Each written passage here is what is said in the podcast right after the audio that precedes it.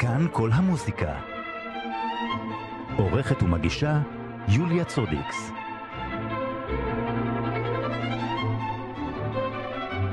ערב טוב לכם, מאזיני כאן כל המוזיקה, את התוכנית מגזין, עורכת ומגישה יוליה צודקס, בהפקה אמיר ארניה. אנסמבל סולני תל אביב, בניצוחו של המנהל המוזיקלי ברק טל, מופיע בקונצרט בשניים במאי, אחרי יותר משנה שלא הופיעו. ברק טל, שלום לך. שלום יוליה. אז פעם ראשונה? בש, בשניים במאי זה הקונצרט הראשון שלכם? זה, זהו, זה פעם, זה לא בדיוק פעם ראשונה. אה, כבר הופענו מול קהל, היינו בין הראשון, בעצם היינו הקונצרט הראשון מול קהל בגוש דן בתחילת מרץ. אה, אבל זה לא היה קונצרט בסדרה למנויים, זה היה קונצרט של סולנים צעירים, איזשהו פרויקט חינוכי, אבל היה קהל והגיע שר התרבות וברך אותנו והיה מאוד מרגש. אבל למנויים שלנו ולקהל שלנו ולקהל הרחב המעוניין, זה בעצם אה, קונצרט ראשון. ואני חייב להגיד שההתרגשות היא מאוד גדולה גם בגלל הקהל שיבוא, וגם בגלל התוכנית המאוד יוצאת דופן ומגוונת שיש לנו. בדיוק, כן, מוצרט פוגש קלייזמר. איך אתם מחברים את זה ביחד? ספר. כן, באמת, מה הקשר בין מוצרט לקלייזמר ודאי ישאלו רבים. אז אני חייב להגיד שקודם כל, המון יצירות של מוזיקה יהודית ומוזיקה קלייזמר נכתבו ועובדו לתזמורת מיתרים, ועוד יותר מכך, עם סולו כינור. הכינור הוא הכלי ה... היהודי, עם הנשמה היהודית המייבבת, כן, ו- ומוצרט גם כתב יצירות נפלאות לתזמור מיתרים ויצירות נפלאות עם סולו כינור. אז קודם כל הסולו כינור וה- והכנר הספציפי שינגן איתנו ויהיה הסולן, שהוא הכנר הראשי של סולני תל אביב, קובי רובינשטיין, הוא ינגן סולו שתי יצירות בעלות אופי יהודי, הניגון של בלוך. והיצירה של אריה לבנון, שנקראת ממש נגן קלייזמר, שהיא סוויטת ריקודים שמבוססת על מנגינות מוכרות יהודיות. אז זה מצד אחד, הוא יהיה הסולן ביצירות האלה. מצד שני, הוא גם ינגן כסולן את פרק האדאג'ו הנפלא לכינור ותזמורת מיתרים של מוצרט, מתוך הדיברטימנטו כחל 287, שזה אגב פרק ש... שחובבי המוזיקה הקלאסית ומאזיני כל המוזיקה לדורותיהם מכירים היטב מהפתיח של התוכנית שהייתה בעבר של רם עברון, דור הזהב, אומנים גדולים בהקלטות היסטוריות.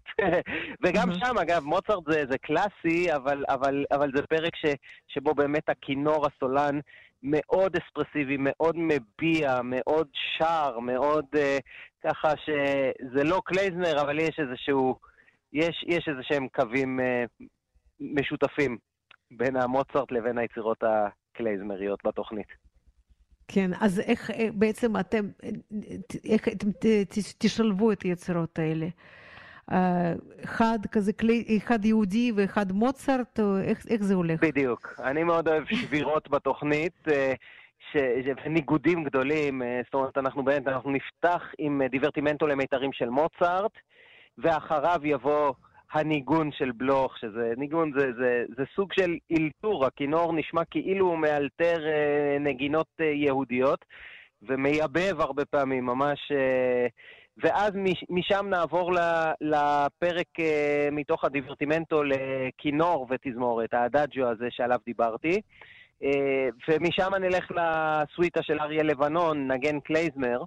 ונסיים באחת היצירות אולי המפורסמות ביותר של מוצרט, הסרנדה לכלי קשת מוזיקת לילה זעירה, שבה הסולן שלנו, קובי רובינשטיין, יחזור לתפקיד הכנר הראשי של האנסמבל. התזמורת תנגן את זה בעמידה, מדי פעם אנחנו עושים את זה, וקובי יוביל אותה. יופי. אז שניים במאי, קונסרבטוריון הישראלי, שטריקר, שמונה וחצי, סולני תל אביב חוזרים להופיע. בהחלט? בהחלט, זו תוכנית מאוד מעניינת, מגוונת. אני עכשיו, אה, אנחנו כבר אחרי ה... כמה חזרות, אה, זה, זה מאוד מלהיב גם את הנגנים, גם את, אה, את הסולן, אותי, את המלחין. באמת יש לנו יופי של תוכנית לא ארוכה, היצירות עצמן גם כן, גם מגוונות, גם לא ארוכות, ו- ואני חושב שכל מי שיבוא ממש ממש ייהנה מהערב הזה. בטוח. ברק טל, תודה רבה, בהצלחה. תודה רבה, יוליה. תודה. להתראות.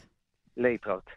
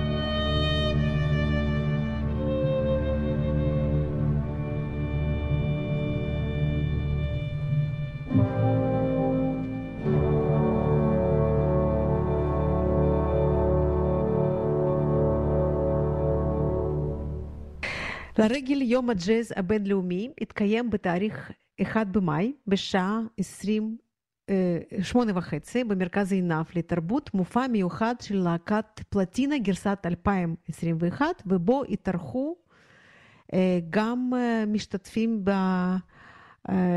מה... מלהקה המקורית ואיתנו ארלי קמינסקי, שלום לך. שלום. אז ספר לנו איך זה להתאחד. גם אחרי שנה של קורונה וגם אחרי כל כך הרבה שנים. זהו, קודם כל ההרכב הזה קיים מ-1970, אבל א', הרבה אנשים התחלפו והרבה אנשים כבר לא איתנו. אז אי אפשר להתאחד, בשביל להתאחד עם כולם צריך לחכות עוד כמה שנים. עכשיו, לפני כמה שנים יצא תקליט ויניל שלנו, וחשבתי שאולי שווה לעשות איזה מופע חד פעמי של איחוד, שבו היינו צריכים לקחת את הוותיקים מאיתנו, שאז היו נחום פרסרקוביץ' ואלונה טורל בקלידים, ואני בתופים. והוספנו לזה את אילן סלם בחליל, ו... ועוד בסיסט, במקרה הזה זה יהיה יוראי אורון. ועשינו הופעה, וזה היה טוב, הייתה דרישה מדי פעם, אז כל, יוצא שכל כמה שנים אנחנו עושים את האיחוד הזה מחדש. עכשיו גם אלונה טוראל, זיכרונה לברכה, לא, לא איתנו.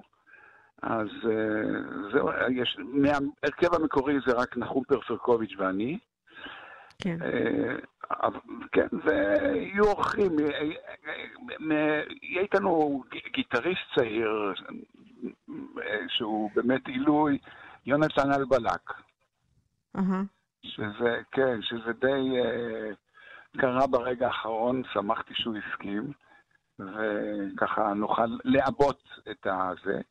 גם אלון אולרצ'יק, כן. כשהיה בסיס של הפלטינה ב-72, משהו כזה, לפני שהוא... די בהתחלה, לפ... כן. בבקשה? לפני שהוא היה די עם בהתחלה. ה... כמעט בהתחלה, כן. הוא בהרכב השני שלנו. ובהרכב הראשון גם היה יצחק קלפטר. ההרכב הראשון היה בעצם הרכב שהקמתי בשביל... הרכב ליווי לאריק איינשטיין. כן. וזה נכון שאריק איינשטיין גם נתן את השם ללהקה?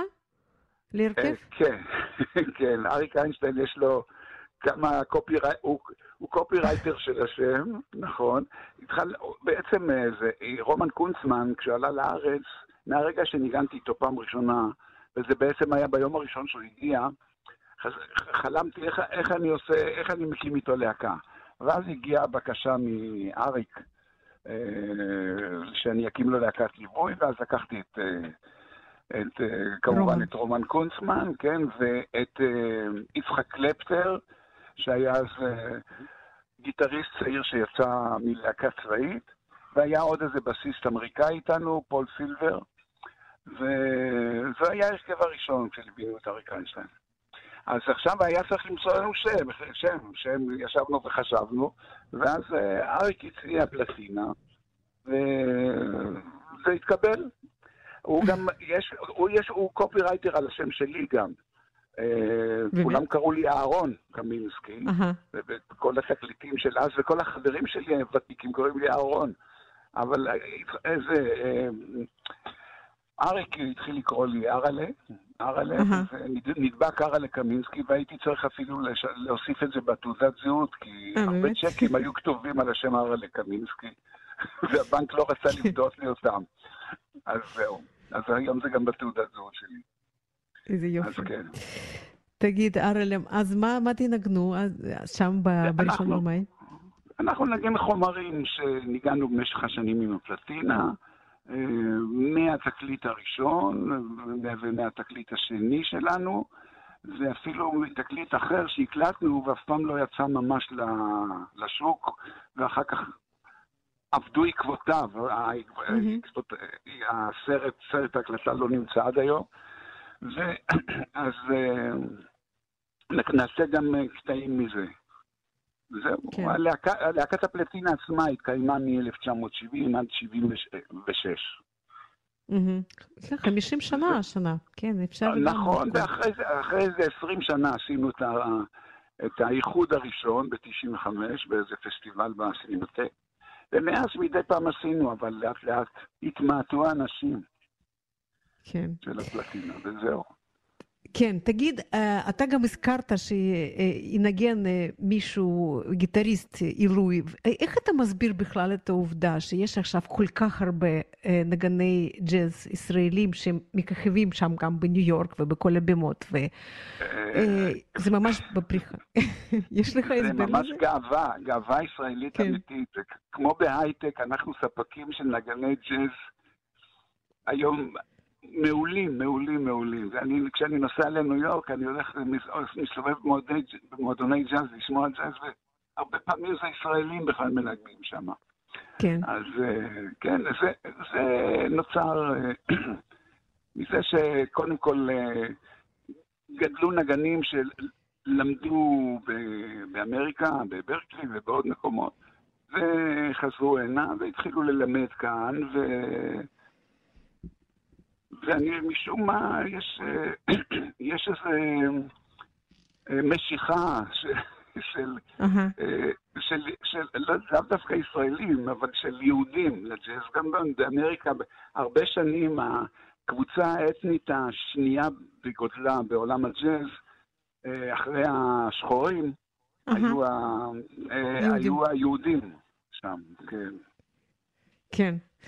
יכול להיות שאני בדיוק אה, פשוט סתם רוצה לשתף אותך. אה, אתמול קראתי איזה ראיון שזובין מטה, שהיום הוא בן אה, 85 דרך אגב, אה, נתן כן. לאיזה עיתון בהודו, ושם שאלו אותו משהו על, על ישראלים ומוזיקה וזה, והוא אמר, איזה ראיון מלפני כמה שנים. אז הוא אמר שישראלים ויהודים בכלל זה פשוט עם מאוד מאוד מוזיקלי, מוזיק, עם מוזיקלי ברמות. אנחנו אולי פחות נכון. מעריכים את זה פה, אבל יכול להיות שזה באמת אה, בולט. כן, אה. אה, מי, ש, מי שזוכר את העלייה למשל מרוסיה בתחילת שנות ה-90, אז הבדיחה הייתה שכל מי שלא יורד עם כינור ביד מהמטוס הוא פסנתרן. הוא פשוט פסנתרן, נכון? כן. כן. יופי, אז אה, כן, זה, זה, אני בטוחה שזה יהיה תענוג לראות ולשמוע אתכם שם. ב... כן, גם לנו, גם לנו זה יהיה תענוג, כי המפגש הזה והחזרה לחומרים האלה, הוא תמיד, אה, אנחנו מקייפים על זה. ברור. טוב, להקת פלטינה, גרסת 2021 במרכז עיניו, בראשון, 1 במאי. תודה רבה לך, ארלה קמינסקי. כן, 1 במאי, לבוא עם דגלים אדומים. בדיוק. אוקיי. תודה רבה. בהצלחה. ביי ביי. בבקשה.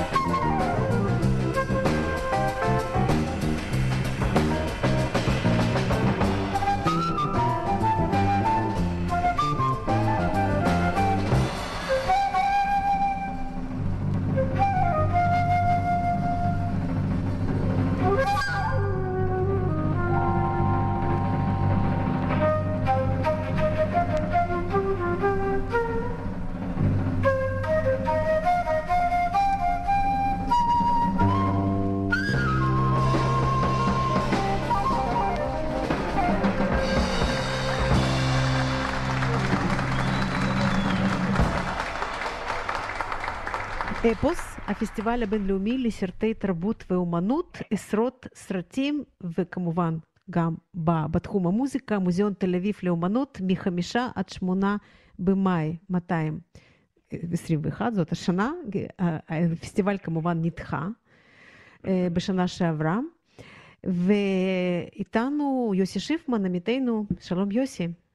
שלום, זה לא רק שזה נדחה, זה נדחה בדיוק על ערב פתיחת הפסטיבל, כי הייתה הקרנת הסרט הראשון, ובמהלך ההקרנה הודיעו שצריך לצאת לסגר. זאת אומרת, זה ממש כן. היה ככה.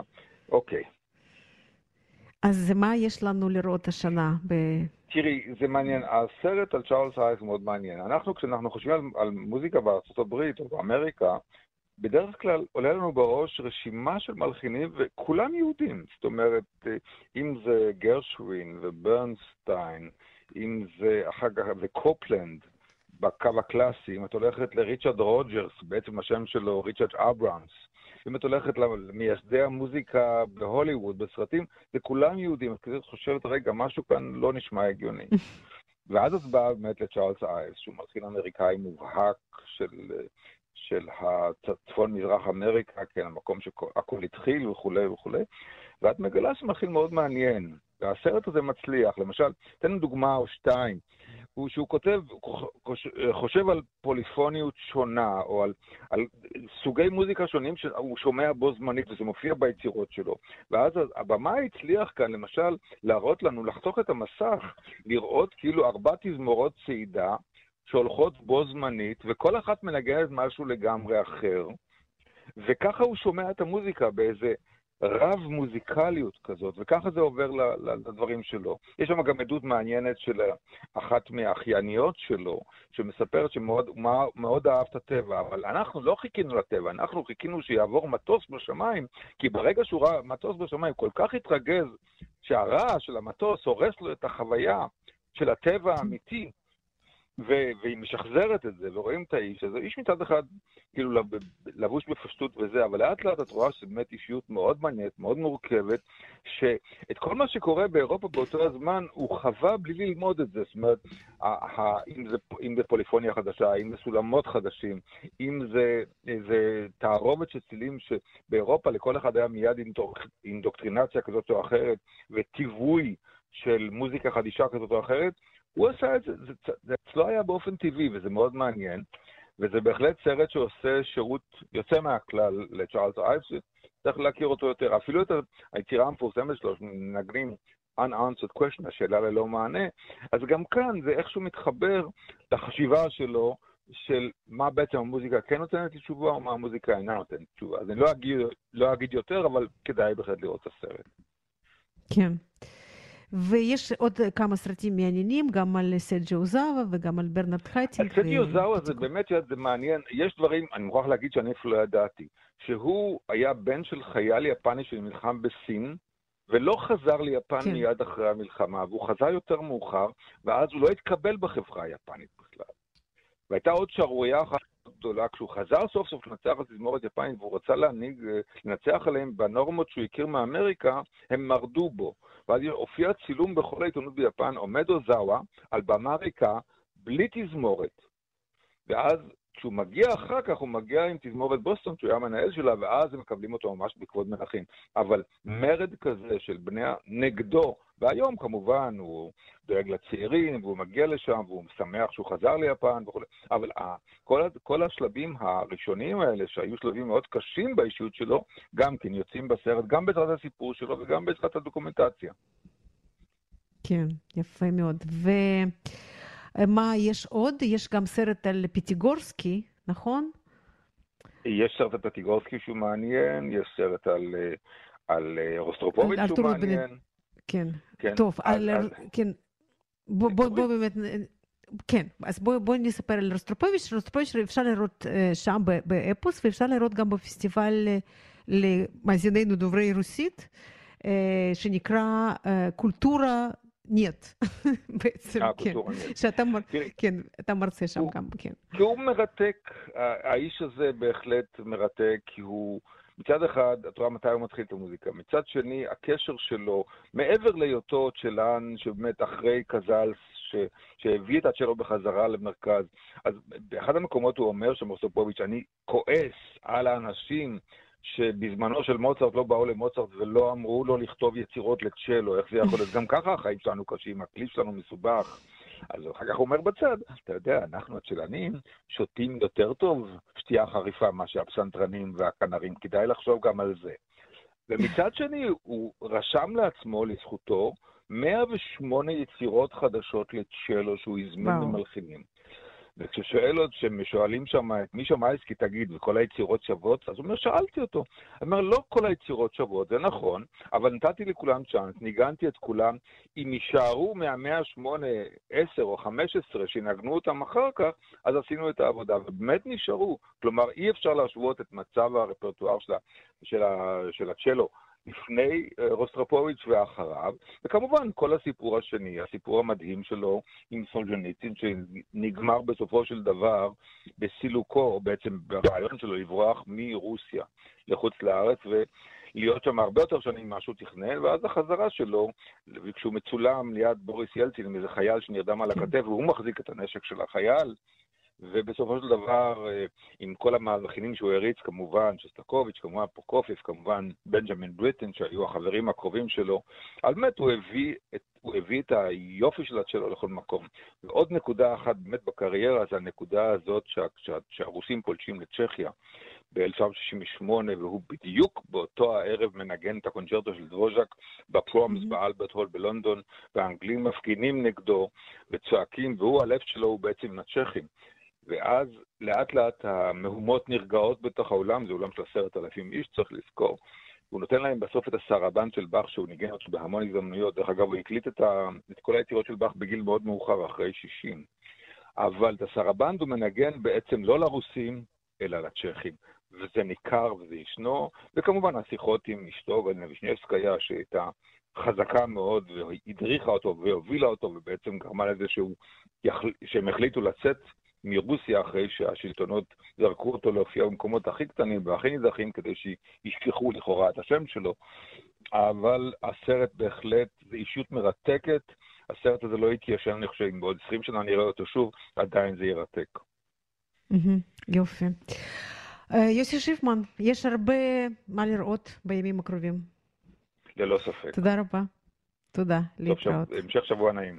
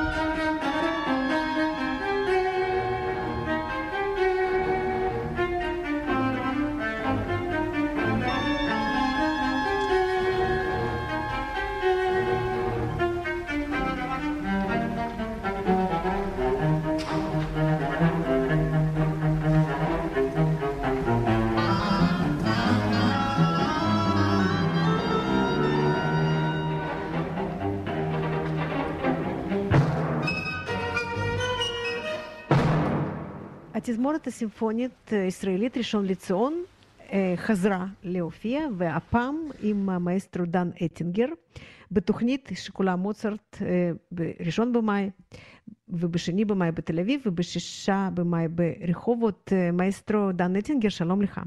שלום וברכה. אז איך זה לחזור לנגן עם התזמורת מול הקהל?